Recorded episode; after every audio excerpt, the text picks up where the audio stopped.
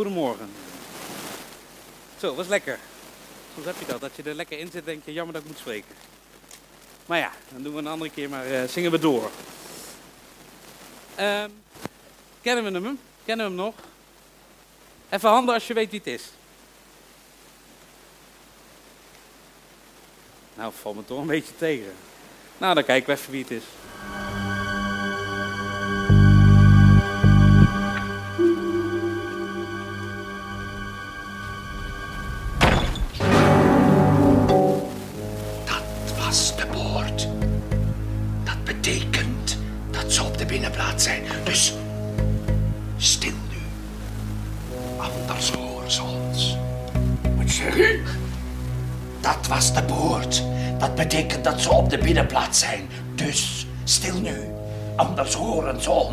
Ons. Wat zeg je nou? Dat was de poort. Dat betekent dat ze op de binnenplaats zijn. Nou stil dan, anders horen ze ons. Trommels, trommels, trommels. Baas, stil nou.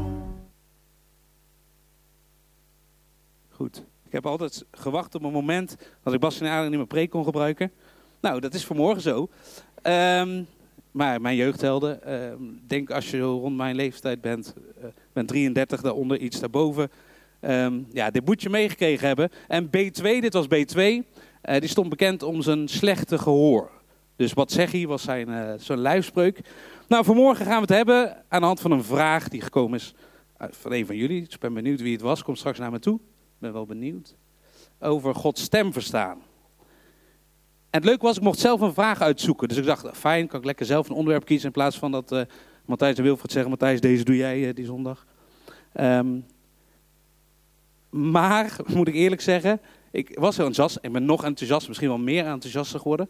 Maar ik heb nog nooit zoveel tijd besteed aan de voorbereiding van de preek. Ik dacht, Gods stem verstaan is een supermooi onderwerp. En dat vind ik nog steeds. Maar toen ik klaar was met mijn voorbereiding, had ik 15 naar viertjes. Dacht ik, oké, okay, 15 naar viertjes, twee uur praten. Ik denk niet dat dat erin zit vanmorgen. Dus ik moet gaan schrappen. Nou, toen deed ik hem een keer, was ik uh, 35, 40 minuten mee bezig.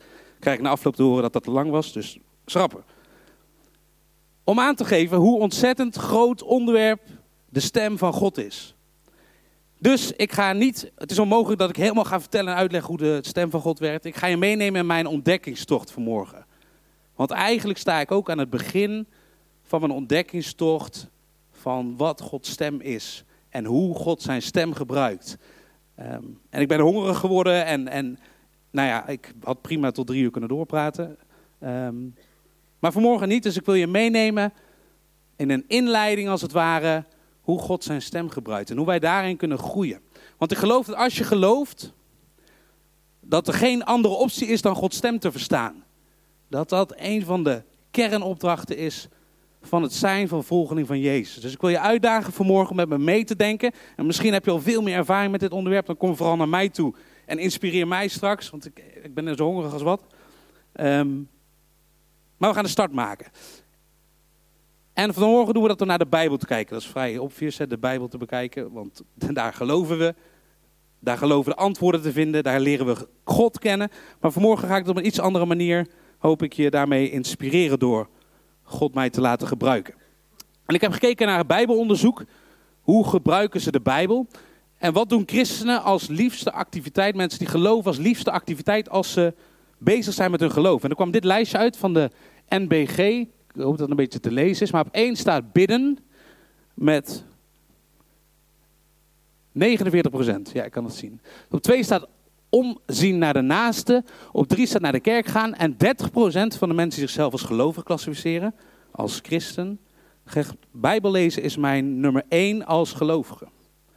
Um, en ik denk dat we dat, um, en ik weet niet hoe bij jou zit, maar dat dat best omhoog mag en omhoog kan. Want als we naar een onderzoek kijken uit 2009, een tijdje geleden, maar ik geloof die nog wel actueel is qua resultaten. Er is een onderzoek in Amerika gedaan onder 40.000 christenen. Hoe zij omgaan met de Bijbel, hoe vaak zij Bijbel lezen en wat dat vervolgens in hun leven doet. En het bleek, als je minstens vier keer per week de Bijbel leest, en de verschillen, de resultaten waren veel groter bij vier keer dan één, twee of drie keer, dat het voor de volgende dingen zorgt. Um, 30% minder kans op gevoelens van eenzaamheid. Nou, een enorm actueel thema natuurlijk tegenwoordig. Als je minstens vier keer per week de Bijbel leest, heb je 32% minder kans op woedeuitbarstingen. Ik denk dat we dat ook wel prettig vinden. Ook actueel. Kijk maar naar wat er gebeurt uh, rond de wereld draait door, wat heel actueel is op dit moment. 60% minder kans op stagnatie van geloofsgroei. Nou, ik hoop dat je honger hebt als je al gelooft naar God en dat je meer wil weten. En de allermooiste, dat is niet minder kans op, maar er is 228% meer kans dat actief het evangelie wordt verspreid. Op het moment dat je vier dagen in de week actief bezig gaat met het lezen van de Bijbel. Nou, ik kan nu stoppen, amen. Lees de Bijbel um, en succes. Um, want zo simpel is het. Maar goed, ik weet maar altijd goed dat het niet zo simpel is. Want hoe lastig is het om die Bijbel erbij te pakken en ook echt wat uit de Bijbel te halen. Nou, vanmorgen gaan we kijken naar een verhaal uit Lucas. Lucas was een van de evangelisten die vertelde het leven van Jezus, van ooggetuigen verslagen enzovoort, enzovoort. En het is het verhaal dat eigenlijk aan het einde van het leven van Jezus zit. Nou, dat is wel mooi, want over twee weken beginnen we met het leven van Jezus, dus we zijn nu aan het einde gekomen. En in dat verhaal geloof ik dat heel veel staat over Gods stem verstaan. Op een voor mij hele vernieuwende manier tijdens mijn voorbereidingstocht. Dus ik hoop dat jij er ook wat aan hebt. Lees bij me Het is best een verhaal. Dus ga lekker zitten, ontspannen. En dan gaan we lezen. Uit Lucas 24. Diezelfde dag gingen twee van de leerlingen op weg naar Emmaus. Een dorp dat 60 stadie, dat is zo'n 10 kilometer, van Jeruzalem verwijderd ligt. Ze spraken met elkaar over alles wat er was voorgevallen. Terwijl ze zo met elkaar in gesprek waren, kwam Jezus zelf naar hen toe en liep met hen mee. Maar hun blik werd vertroebeld, zodat ze hem niet herkenden. Hij vroeg hen, waar lopen jullie erover te praten? Daarop bleven ze somber gestemd staan. Een van hen, die Cleopas heette, antwoordde, bent u dan de enige vreemdeling in Jeruzalem die niet weet wat daar deze dagen gebeurd is? Jezus vroeg hen, eh, wat dan? Ze antwoorden. Wat er gebeurd is met Jezus van Nazareth. Een machtig profeet in woord en daad in de ogen van God en van het hele volk. Onze hoge priesters en leiders hebben hem ter dood laten veroordelen en laten kruisigen. Wij leefden in de hoop dat hij degene was die Israël zou bevrijden. Maar inmiddels is het de derde dag sinds dit alles gebeurd is. Bovendien hebben enkele vrouwen uit ons midden ons in verwarring gebracht. Toen ze vanmorgen naar het graf gingen, vonden ze zijn lichaam daar niet. En ze kwamen vertellen dat er engelen aan hen verschenen, die zeiden dat hij leeft. Een paar van ons zijn toen ook naar het graf gegaan en troffen het daar aan zoals de vrouwen hadden gezegd. Maar Jezus zagen ze niet. Toen zei hij tegen hen, hebben jullie dan zo weinig verstand en zijn jullie zo traag van begrip dat jullie niet geloven in alles wat de profeten gezegd hebben? Moest de Messias al dat lijden niet ondergaan om zijn glorie binnen te gaan? Daarna verklaarde hij hun wat er in de schriften over hem geschreven stond. En hij begon bij Mozes en de profeten. Ze naderden het dorp waarheen ze op weg waren. Jezus deed alsof hij verder wilde reizen, maar ze drongen er sterk bij hem op aan om dat niet te doen en zeiden: Blijf bij ons. Het is bijna avond en de dag loopt ten einde. Hij ging mee het dorp in en bleef bij hen. Toen hij met hen aanlag voor de maaltijd, nam hij het brood, sprak het zegengebed uit, brak het en gaf het hun. Nu werden hun ogen geopend en herkenden ze hem. Maar hij werd ontrokken aan hun blik. Daarop zeiden ze tegen elkaar: Brandde ons hart niet toen hij onderweg met ons sprak en de schriften voor ons ontsloot. Ze stonden op en gingen meteen terug naar Jeruzalem, waar ze de elf en de anderen aantroffen. Die tegen hen zeiden: De Heer is werkelijk uit de dood opgewekt. En hij is aan Simon verschenen. De twee leerlingen vertelden wat er onderweg gebeurd was en hoe hij zich aan hen kenbaar had gemaakt door het breken van het brood. De Emmausgangers, daar wil ik het vanmorgen met je over hebben. En de rol van Jezus in dit verhaal. Drie opvallendheden. Nou, ik had er vijftien, moet ik eerlijk zeggen. Maar ik heb er drie gekozen waar ik vanmorgen iets over wil vertellen. Als eerste, wat bijzonder is natuurlijk aan vrij aan het begin van het verhaal, ze herkennen Jezus niet. Ja, hoe kan dat? Daar zijn mogelijke verklaringen voor, wil ik met je induiken. Als tweede, Jezus stelt zichzelf niet voor. Had hij prima kunnen doen. Met zeggen, hé, hey, hier ben ik, kijk eens. Ik heb een wonder verricht. Maar hij kiest voor bijbelstudie. Hij kiest ervoor om de Bijbel in te duiken. En als derde waar ik met je naar wil kijken, Jezus verdwijnt eigenlijk net zo snel uit het verhaal als dat hij gekomen was. En ik geloof dat daar ook iets in zit waar wij vandaag de dag wat mee kunnen. Als eerste, ze herkennen Jezus niet. En dan staat er, hun blik werd vertroebeld, zodat ze hem niet herkenden. Nou, er zijn drie mogelijke verklaringen voor. Eerst is het fysiologisch. Daar kom ik zo meteen op. De tweede is een psychische verklaring. Of misschien is er wel een geestelijke verklaring voor. Als eerste, fysiologisch vrij eenvoudig. Nou, misschien had Jezus inderdaad wel een, andere, een ander uiterlijk. Na de dood hij is opgestaan met een nieuw lichaam en was daarom niet herkenbaar. Ik weet het niet. Ik ga wel snel door naar B. Want die vind ik interessanter. En C vind ik het allerinteressantst, dan weet je het vast. Uh, psychisch, een psychische reden. Um, ze verwachten simpelweg geen ontmoeting met een dode man. De kans is vrij aannemelijk dat zij aanwezig waren bij de kruising van Jezus, zoals we net lazen.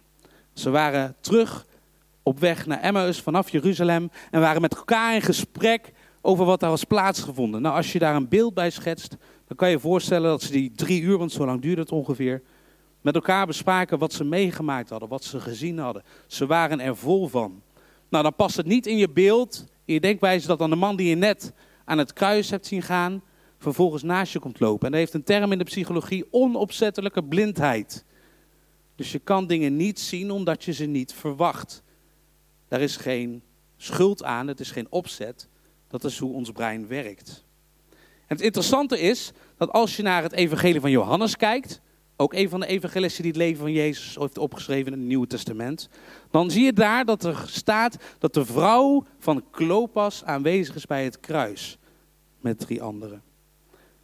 En als je kijkt naar het woord dat gebruikt wordt in Lucas, dan staat daar Cleopas. En er zijn heel veel Bijbeluitleggers die zeggen dat de kans heel aannemelijk is dat er gewoon een dik foutje door Johannes is gemaakt. Dat het gaat hier om dezelfde personen. Dus dat het in Johannes gaat over dat de vrouw van Cleopas, Clopas, Cleopas is in dit geval, daarbij aanwezig was. En dat de Emmausgangers die twee zijn die van het kruis op weg zijn weer naar huis. Um, en dat verklaart wel een boel, als we uitgaan van man en vrouw. Want ze nodigen, lezen we, lazen we net, ze nodigen Jezus uit om bij hen thuis te komen. Om daar aan tafel te gaan om te eten. Een mogelijke verklaring waarom ze Jezus niet herkenden. En de derde, en dat is taaltechnisch interessant. En taal is toch een beetje mijn ding, zoals je misschien weet. Um, hun blik werd vertroebeld, staat er. Er was actie. Er gebeurde iets. Een geestelijk argument. In het Grieks staat er het woord krateo. En dat betekent hun ogen werden overmeesterd, werden blind gemaakt. Er was dus een actie van buitenaf die ervoor zorgde dat ze Jezus niet herkenden. Ja, dan kan je afvragen waarom, wat dan de bedoeling daarvan is. Nou, ik denk als je kijkt naar dit verhaal en als je daar een verklaring voor zoekt, zou het zo kunnen zijn dat het een lesje in nederigheid is voor ons. Dat wij niet de mogelijkheid hebben om Jezus zelf te ontdekken in ons leven, om God zelf te leren kennen. Kijk, ons is goed Bijbel lezen. Nu uh, leef ik dichter bij God. Nee, we hebben daar hulp bij nodig. Wij kunnen dat niet zelf. Zoals de ogen gesloten worden, vertroebeld raken, zo worden ze ook weer geopend later in het verhaal. Dus we hebben daar iemand bij nodig. En dit verhaal geeft ons een voorbeeld van hoe we meer van God, meer van Jezus kunnen ontdekken met elkaar. Daarom is het ook geen techniek. Ik ga je vanmorgen ook geen trucje aanleren. Als je dit doet, ja, dan ga je echt meer van Gods stem horen. Want zo werkt het niet. Het is een geschenk van God. God wil niks liever dan met jou en mij in contact komen. En dat kunnen we trainen. Groeien daarin met elkaar. Of je nou hier net begonnen bent aan je geloofsreis, of je misschien nog helemaal niet begonnen bent. Het is trainbaar. Als tweede wat opvalt in het verhaal. Jezus stelt zichzelf niet voor, maar kiest dus voor een Bijbelstudie. Daarna verklaarde hij wat er in de schrift over hem geschreven stond en hij begon bij Mozes en de profeten. Jezus had zich dus prima kunnen onthullen, want het is een behoorlijke stunt, zeg maar, als je opstaat uit de dood na drie dagen. En die had daar een behoorlijke show van kunnen maken. Ik denk als iemand nu zoiets flikt, of een ander vergelijkbaar enorm, dan staat binnen no time alle kranten vol en internet vol. En wordt hij uitgenodigd in talkshows en zou iemand best wel makkelijk misschien de voorgrond betreden. Maar Jezus kiest hiervoor de tijd nemen. En hij legt eigenlijk de Bijbel uit. En hoe vet is dat? Dat je net opgestaan bent uit de dood. Dat je niet zegt, jongens, uh, kijk eens even goed, wie ben ik? Dat was klaar geweest. Maar dat hij voor kiest om mee te lopen naar hun huis. En om vervolgens de Bijbel in te duiken met ze. Eigenlijk is het een drie uur lange, lange Bijbelstudie. Van jongens, let eens even op, jullie hadden het al lang kunnen weten. Kijk eens wat hier staat in de Bijbel. En hij verbindt als het ware de schrift, dus wat de profeet hadden gezegd, verbindt hij met zijn eigen leven. Er zit een verbinding tussen wat in de Bijbel staat en het leven van Jezus. En dat betekent iets voor ons vandaag de dag. Als Jezus op zo'n moment, want hij had heel makkelijk aan de hele wereld kunnen laten zien dat hij is opgestaan. Maar op zo'n moment ervoor kiest om niet de show te voeren, maar om met ze uit te leggen als een meester waar de antwoorden staan. En als hij op dat moment naar de Bijbel verwijst, dan zit daar voor mij een heel belangrijke boodschap in. Dan moet ik, dan wil ik ook meer die Bijbel in om Gods stem te verstaan. En Jezus als derde verdwijnt dus net zo snel als dat hij gekomen is. Nu werden hun ogen geopend en herkennen ze, maar hij werd ontrokken aan hun blik en weg was hij. Hoe zou dat zitten? Waarom zou dat zijn? Ik denk dat we hier weer en een nederige Jezus zien. En misschien hadden ze het liefst naar hem toe gerend en hem omhelst en weet ik het wat. Maar dat mocht Maria ook niet. In een eerder verhaal in de Bijbel. Die wilde ook Jezus omhelzen na zijn opstanding. Dat mocht niet. Het gaat nu om zelf aan de slag te gaan. Want wat zo mooi is, is dat er daarna niet staat... oh, ze bleven lekker veilig in hun huisje, genieten van de maaltijd, van het toetje... daarna lekker op de bank, uh, serietje aan en yes, Jezus leeft... en we houden lekker bij ons, lekker warm, lekker fijn. Het eerste wat ze deden is, hup, de sandalen aan en gaan. Terug naar Jeruzalem, weer drie uur die tocht maken. Om te vertellen dat het echt waar is, dat Jezus is opgestaan. En ze delen het. Dus op het moment dat je het geheim van Jezus ontdekt... Ja, dan kan je eigenlijk niks anders dan gaan en vertellen, vertellen, vertellen en niet veilig achter je bureau of in je bed de Bijbel lezen en denken, zo, ik heb het weer lekker voor elkaar. Gods stem verstaan. Ik weet niet hoe dat bij jou zit, maar voor mij is het allemaal een redelijk nieuw gebied. Ik ben opgegroeid in de christelijk gereformeerde kerk hier in Eindhoven. En bij ons ging het in de kerk toch vaak over het verstaan van God door de Bijbel en op begripsniveau. Begrijpen wat er staat. Maar ik heb mogen ontdekken in deze voorbereiding dat er meer is. En dit boek heb ik daarvoor mogen gebruiken. Nou, mogen ik hem zelf betaald. Um, hoe kun je Gods stem verstaan? Als ik een verhaal mag houden, dan vind ik het heel interessant om in de weken daarvoor voor te bereiden aan de hand van een boek. Dus dan ga ik googlen. En dan ga ik uh, de achterkantje lezen. En dan ga ik bij mensen die ik ken vragen, heb je nog goede boeken? Um, en ik kwam deze tegen. Pete Gregg is een Engels voorganger. En die is de stichter van de 24-7 Prayer beweging. Inmiddels wereldwijd. Die zich richt op 24-7, 24 uur per dag bidden. Als stichting. Vanwege de kracht van gebed. En dit boek. Uh, nou, dat heeft soort weer mijn ogen op een nieuwe manier geopend. En laten zien hoe groot het onderwerp Gods stem is. Hoe mooi, hoe machtig en hoeveel we daaruit kunnen halen. Dus ik kan er niet alles uit delen. Ga ik nu niet doen, maar ik ga wel een aantal dingen delen.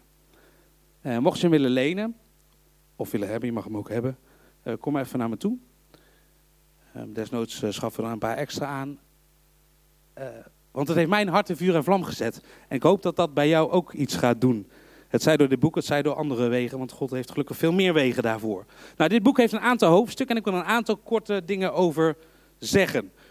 Um, dat zijn de dik gedrukte. Ik was ook in mijn voorbereiding bezig met profetie. Dat is een heel ander onderwerp, een heel lastig onderwerp. Mocht je daar meer van willen weten en over Gods stem, als je in de Scipio-app zit, dus deelneemt aan het bouwen met Stadskerk, dan heb je hem al voorbij zien komen. In januari start er een, een training, een cursus van hoe leer ik Gods stem verstaan op de dinsdagavonden. Uh, daar kan je voor aanmelden. Kan je nog niet in de Scipio-app, zit je daar niet in, maar vind je het wel interessant, kom dan de afloop naar me toe en dan vertel ik je daar meer over. Of dan verbind ik je door aan uh, mijn vader, want die doet dat toevallig. Um, maar ik wil je wel kennis laten maken om je hopelijk nieuwsgierig te maken naar hoe je Gods stem in je leven kan ervaren. Nou, allereerst, en dat zien we eigenlijk ook in het verhaal van vanmorgen, is het natuurlijk door de stem verstaan van God door Jezus heen. Nou, en op het moment dat je dat gaat doen, dan heb je niet langer over Hem in Bijbelstudies, dat je praat over God of tegen God als een soort eenrichtingsweg. Maar dan mag je met Hem praten eh, en door naar hem te luisteren, dan is er een soort van twee kanten van het verhaal. En dat vind ik zo interessant.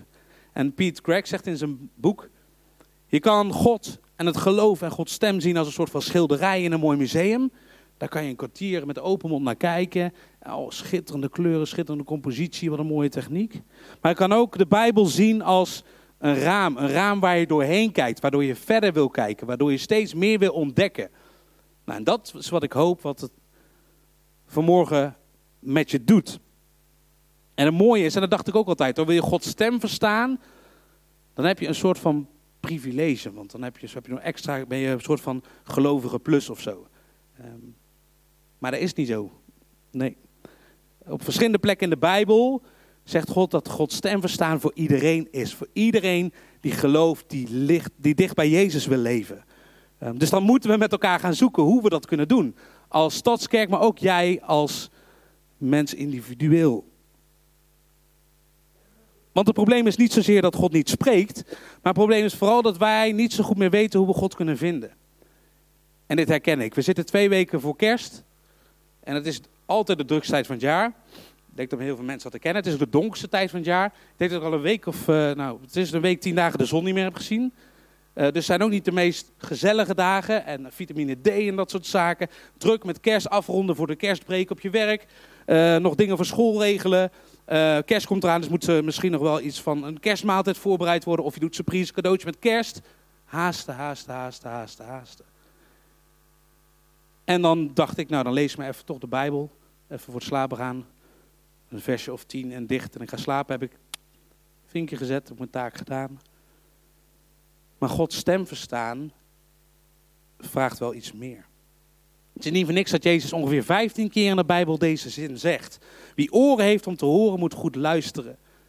We hebben oren gekregen. Aan ons is het om te luisteren naar Gods stem. Om te luisteren naar Jezus. En een van die manieren is natuurlijk het gebruik maken van de Bijbel. Ons belangrijkste woord als gelovig. Omdat daar zoveel in staat over wie God is, hoe hij werkt, hoe hij denkt. Nou, dat is oneindig. Um, en dit maakt het interessant, want de Bijbel is dus het best verkochte boek. Het staat bij bij iedereen in de kast, in hotelkamers. Maar het is tegelijkertijd ook het minst gelezen boek. Blijkbaar vinden we het moeilijk, zagen we ook aan het begin, om echt ons te richten op de Bijbel. En ik heb dus, wat ik al zei, geleerd om de Bijbel met mijn hoofd vooral te lezen. En wat minder met mijn hart. En dat is iets waar ik nu mee aan de slag ben. En als je daar meer tips voor hebt, dan hoor ik het graag. Eén, um, het is begrijpen wat er staat. Maar twee, ook voelen wat er staat. Wat betekent dat voor jou in jouw leven? En daar is een mooie manier voor ontwikkeld. En die manier wil ik met je delen. En dat is Gods stem verstaan door gebed heen. En die methode heet de Lectio Divina. Misschien heb je er wel eens van gehoord. Een methode die vaak gebruikt wordt in kloosters, door monniken, door priesters. Om op een andere manier de Bijbel te benaderen. In plaats van even een stukje lezen na de maaltijd. Of voor het slapen gaan of bij het opstaan op een andere manier. Er staat het namelijk uit vier stappen. Als eerste is het de tekst lezen. Je gaat dan de Bijbeltekst die op dat moment aan beurt is, ga je lezen. En vervolgens mediteren. Ik weet niet hoe bij jou zit, maar ik krijg gigantische jeuk van het woord mediteren. En dan denk ik altijd, de kleermaker zit en uh, weet je, je handje zo. En, en nou, mindfulness komt dan door mijn hoofd en zo, dat soort zaken. Dat is het niet, gelukkig. Het is stil worden. Nadenken en kijken, wat staat er nou in die tekst? En wat zou daar kunnen staan wat voor mij iets te zeggen heeft? Wat zou God door de Bijbeltekst aan mij kunnen zeggen? Waardoor je de tekst gaat bidden en vragen gaat stellen bij een stukje uit de Bijbel. En uiteindelijk ga je daarover nadenken met God samen. Want als Jezus op zo'n moment naar de Bijbel wijst, naar zijn opstanding, dan denk ik dat daar best wat in te vinden valt voor ons. Het is gekoppeld aan een gebedsmethode die je eraan kan koppelen. En dat is gave noemen we dat, is de Engelse variant van pray. Waarbij je eerst wat gas terugneemt op het moment dat je de Bijbel gaat lezen. Waarbij je aandacht en aanbidding hebt. Je leest rustig. Je zoekt God door een lied, bijvoorbeeld. Je reflecteert. Je herhaalt. En biddend vraag je. En kom je erachter wat voor vraag je eigenlijk hebt als je de tekst leest. Welke woorden vallen je op? En dan mag je ook genieten van Gods aanwezigheid. Ik denk als je dit mij een jaar of uh, nou, vijf geleden had laten lezen, of iemand had het tegen mij verteld. Dan had ik gedacht, ja, is niks voor mij. Want ik heb niet zoveel rust. En eh, het past niet helemaal bij mij. Ehm, daarom heb ik een app eh, geïnstalleerd, een aantal dagen geleden, of een, een week geleden, tien dagen geleden. Ehm, en die heet Lexio 365. Ik heb geen aandelen, dus maak je geen zorgen. Maar deze app heeft mij geholpen om deze manier van nadenken en voelen wat de Bijbel mogelijk tot je zegt, ja, daarin mijn weg te vinden. Um, gratis app, wel in het Engels, maar ik heb soms ook de Bijbel erbij en dan vertaal ik me even naar Nederlandse stukken die ik lastiger vind. Waarbij je dus iedere ochtend en iedere avond voor het slapen gaan, s ochtends je opstaat, um, een overdenking krijgt. Die is deels ingesproken, dus voor de mensen die het fijner vinden om te luisteren, kunnen dan luisteren naar de tekst. En er staat altijd een Bijbeltekst centraal, met een stukje uitleg, maar ook heel veel vragen aan je. Reflectieve vragen. Bijvoorbeeld in de ochtend staan er vragen, oké, okay, wat ga jij vandaag doen om um, iets van Jezus te zien in je leven? Hoe ga jij ermee om? Hoe, waar ben je benieuwd naar? Wat wil je die dag eh, gaan vinden, gaan bereiken? En s'avonds staat de vraag, oké, vertel eens, hoe heb jij God gezien vandaag? Hoe heb jij God gemerkt in je leven vandaag? En er staan er verschillende momenten tussen waarop je pauze neemt om daarover na te denken. En het heeft mij tot nu toe geholpen, we hebben net begonnen, dus misschien vind je het leuk om met me mee te doen, om daar meer tijd voor te maken, zowel s ochtends als s avonds. Om gerichter naar een bijbelstuk te kijken en om vanuit daar te vragen hoe Gods stem tot je kan spreken. Gods stem verstaan door fluisteringen. En God ligt ook aan beeld dat je van God hebt. Maar God spreekt zelden tot niet via een megafoon, via een hardop sprekende stem. In de Bijbel lezen we voorbeelden hoor. En ik geloof nog steeds dat het kan gebeuren. Maar God spreekt op veel meer manieren tot ons. Tot ons denken, in, in onze dromen, eh, door een lied, door mensen heen, door de natuur. En het mooie is dat we als gelovigen en ook als net startend gelovige of benieuwde gelovigen, dat je daarin getraind kunnen worden. Dat we aan de slag mogen om dat te gaan ontdekken. En dat hoeven we niet zelf te doen. Dat mogen we doen door Gods geest. Gods geest, Gods heilige geest, is hier op de aarde om jou daarbij te helpen en te ondersteunen. Ik weet niet hoe je het met jou is en of je verlangen hebt om Gods stem te verstaan. En misschien heb je daar al heel veel ervaring mee. Dan nogmaals delen met me, ik ben heel benieuwd. Maar als ik de Bijbel goed lees, en ik ben dus net begonnen pas aan deze reis, dus ik ga de komende maanden, jaren nog wat door om dit onderwerp te ontdekken, dan kan het niet anders dan dat je wil groeien om Gods stem te verstaan. Om de Bijbel te lezen, om te luisteren. Want ik geloof dat als je luistert naar God, als je op zoek gaat naar wat God in de Bijbel tegen jou te zeggen heeft, op wat voor manier dan ook, dat je daar zoveel uit kan halen. Dus als eerste uitdaging voor mij eigenlijk, en ik zeg het hardop, zodat je het ook hoort, maar ik ga vragen en ik ga vragen aan God om zijn stem te horen. Door het lezen van de Bijbel, door mijn gedachten heen, door contact met andere mensen, door een lied. Ik wil bewust ochtends starten met de vraag: God, laat mij uw stem horen. Laat mij zien wie u bent en wat u met mijn leven wil. Vervolgens mag ik erop vertrouwen, want dat staat in de Bijbel dat God ook gaat spreken. Alleen, ik weet niet wanneer. Dus ik heb geduld. En ik verwacht. Want dat is wat ik doe. Ik verwacht dat God gaat spreken. En ik luister. Ik hou mijn oren open, zoals Jezus zegt. Ik luister naar wat er om me heen gebeurt.